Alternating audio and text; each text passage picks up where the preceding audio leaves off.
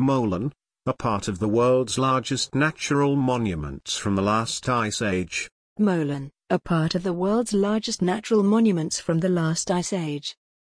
If you'd like to experience one of the most historic and fascinating natural areas, you can travel to the majestic natural region of Molen, as far south you can get in Vestfold County. Molen is a bit of a huge gravel bed that goes around the entirety of Scandinavia. It was formed in the edge of the ice sheet between 12,650 to 12,350 years ago. In southeast Norway, the moraine is called Rate. One of the attractions of Molen is the unique graveyard. Each cairn, small and large, is secretive and mysterious because many puzzles remain to be solved for us to see the full picture of why they were built and what they contain. Is it your opinion that the past has real existence? George Orwell, 1903 to 1950, in the novel 1984.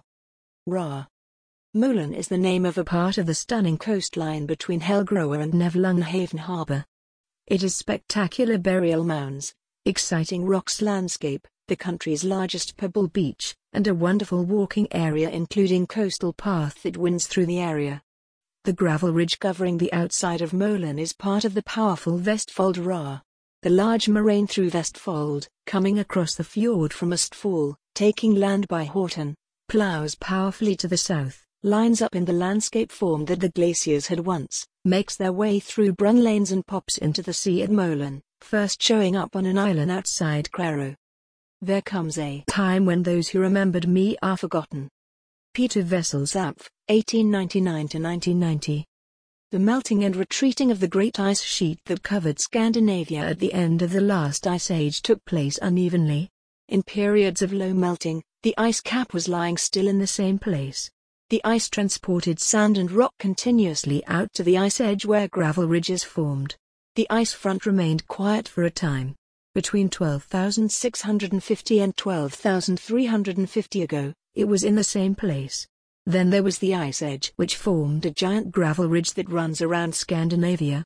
In southeast Norway, we call this Rate or the Ra and Molen is a piece of this huge ridge. That which is, is that which has been. Georg Wilhelm Friedrich Hegel, 1770 to 1831. Norway's most spectacular gravesite. Around 1500 BC, the custom of burying individuals in large burial mounds arose. The cairns were placed on the tops of the countryside, close to the sky and overlooking the ocean or waterway. The boulder moraine on Molen by Nevlunghaven was the perfect place for our ancestors to build tombs, good views of the dead and plenty of building material. Burial mounds located on the surfaces of individual beach ridges formed during periods of extreme onshore wind uplift during the last ice age. Because of the uplift, the lowermost burial mounds may not be older than a few thousand years.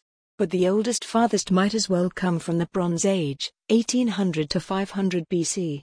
Little is known about the mounds. However, it is not difficult to understand that in pagan times the tombs were placed right here, the place where the moraine disappearing into Skagerrak is kind of a natural place for the last earthly journey. The vast burial ground contains 230 artificial stone cairns. The largest has a diameter of 35 meters. The minimum is 2 to 3 feet in diameter. Most are round, some are rectangular and one is the shape of a ship. Time is us. Augustine, 354 to 430.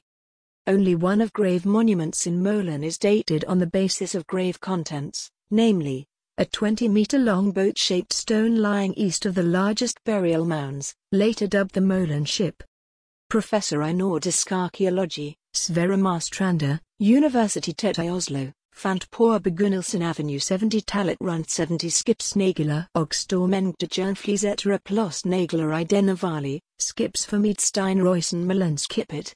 Her fant han ogzetrekkel, som han datet ved hjælp Avenue Sarkelt C14 prover. På grundlag Avenue denne analysen konkludet han med at Roysen stammet fra ældre end alder. Denne datringen blev umiddelbart emotogat Avenue arkeologen Trond Loken, som blandt andet bægt på at skibsformænd forstod fremst geneten inga jern alder og Avenue beta rikable vanlig for på 400-tallet efter Kristus, for the history and landscape, or rather the landscape and history, are intricately linked. Erling Johansen, 1919 to 2000. Yngling's family grave. Perhaps Molen was the burial place of a branch of the mighty Ynglings. Along the Norwegian coast from Bohuslän to Bodo, the hills and islets, islands, and headlands lay round stone mounds, often many in the crowd, all thrown together. They continue on along lakes and rivers in Götaland and over to the coasts and islands in Finland and Estonia. They form a chain of thousands, we do not know how many thousand only in the present-day Norway. The archaeologist A. W. Brogger began his article in the booklet Molen in Brunlanes, published by Norwegian Archaeological Company in 1938. What are they? He asks and notes that it has to do with tombs from the Bronze Age people of Norway, Sweden, Finland, and Estonia. Of all the thousands of tombstones in Norway is Molen the strangest, according to Brogger, primarily because of its excellent location. He describes the site as such. This mighty glacial region, filled with endless masses of coarse, round, little stones, forming a beach overlooking the ocean, and it ends in a spit, it's like a small continent ends, here ends Vestfold. Broad and powerful it grows out of rocks. West of Nevlunghaven, a powerful open beach where the sea touches, and the highest edge was crowned by the great old mounds as majestic and silhouettes its profile against the sky. Archaeologist Trond Loken was also one of the first to present the hypothesis Molen as a cemetery for a branch of the mighty Ynglings. People who think they can explain everything put things into the system they have designed, suitable to their needs for attenuation of the fear of life, fear of death, and hunger for being eternally existent. Per Hansen, 1922 to 1982. In the Bronze Age, it was common to bury the dead in the monumental burial mounds upon the heights of the landscape. The dead were to be seen, so the view of the sea and transport were the determining reasons of where and how the mounds should be. Burial mounds were erected over the grave of the most powerful people in the area. The burial caskets, built of stone slabs, were usually directly on the mountain in the middle of the mound. A mysterious riddle.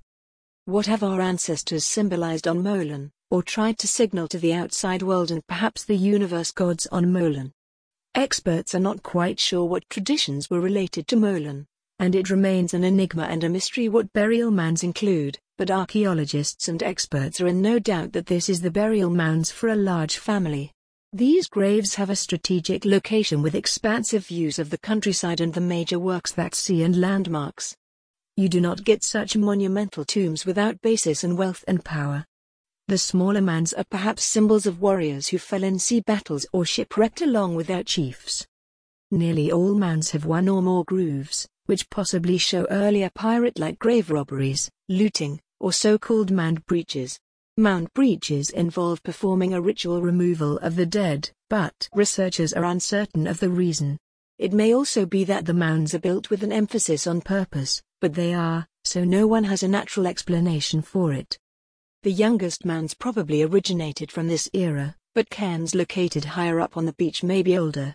Maybe the site has been used as a burial place for 2,000 years. Every mood, yes, every moment is of infinite value, because it contains in itself an eternity. Johann Wolfgang von Goethe, 1749 1832. Molen is Scandinavia's first geopark. In June 2008, the Nordic region's first UNESCO European Geopark on Molen opened. In addition, it is important to state that Molen is listed twice, in 1939 for the spectacular grave monuments and in 1970 because of the abundant bird life on the peninsula and the waters around it. The name Molen, mentioned in the saga year 1207, derived from the Old Norse mole, which means rock beat or stone embankment. Rocks on Molen Molen and Rate contain rocks of many different geological ages and origins as the glacier brought here from many places in southern Norway. Among pebbles on Molen you can find at least 100 different types of rock. Many of them we recognize, and we know where the glacier picked them up.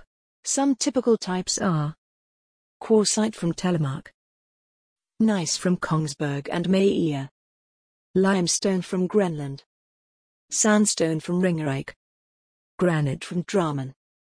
Rhomb porphyry from Vestfold.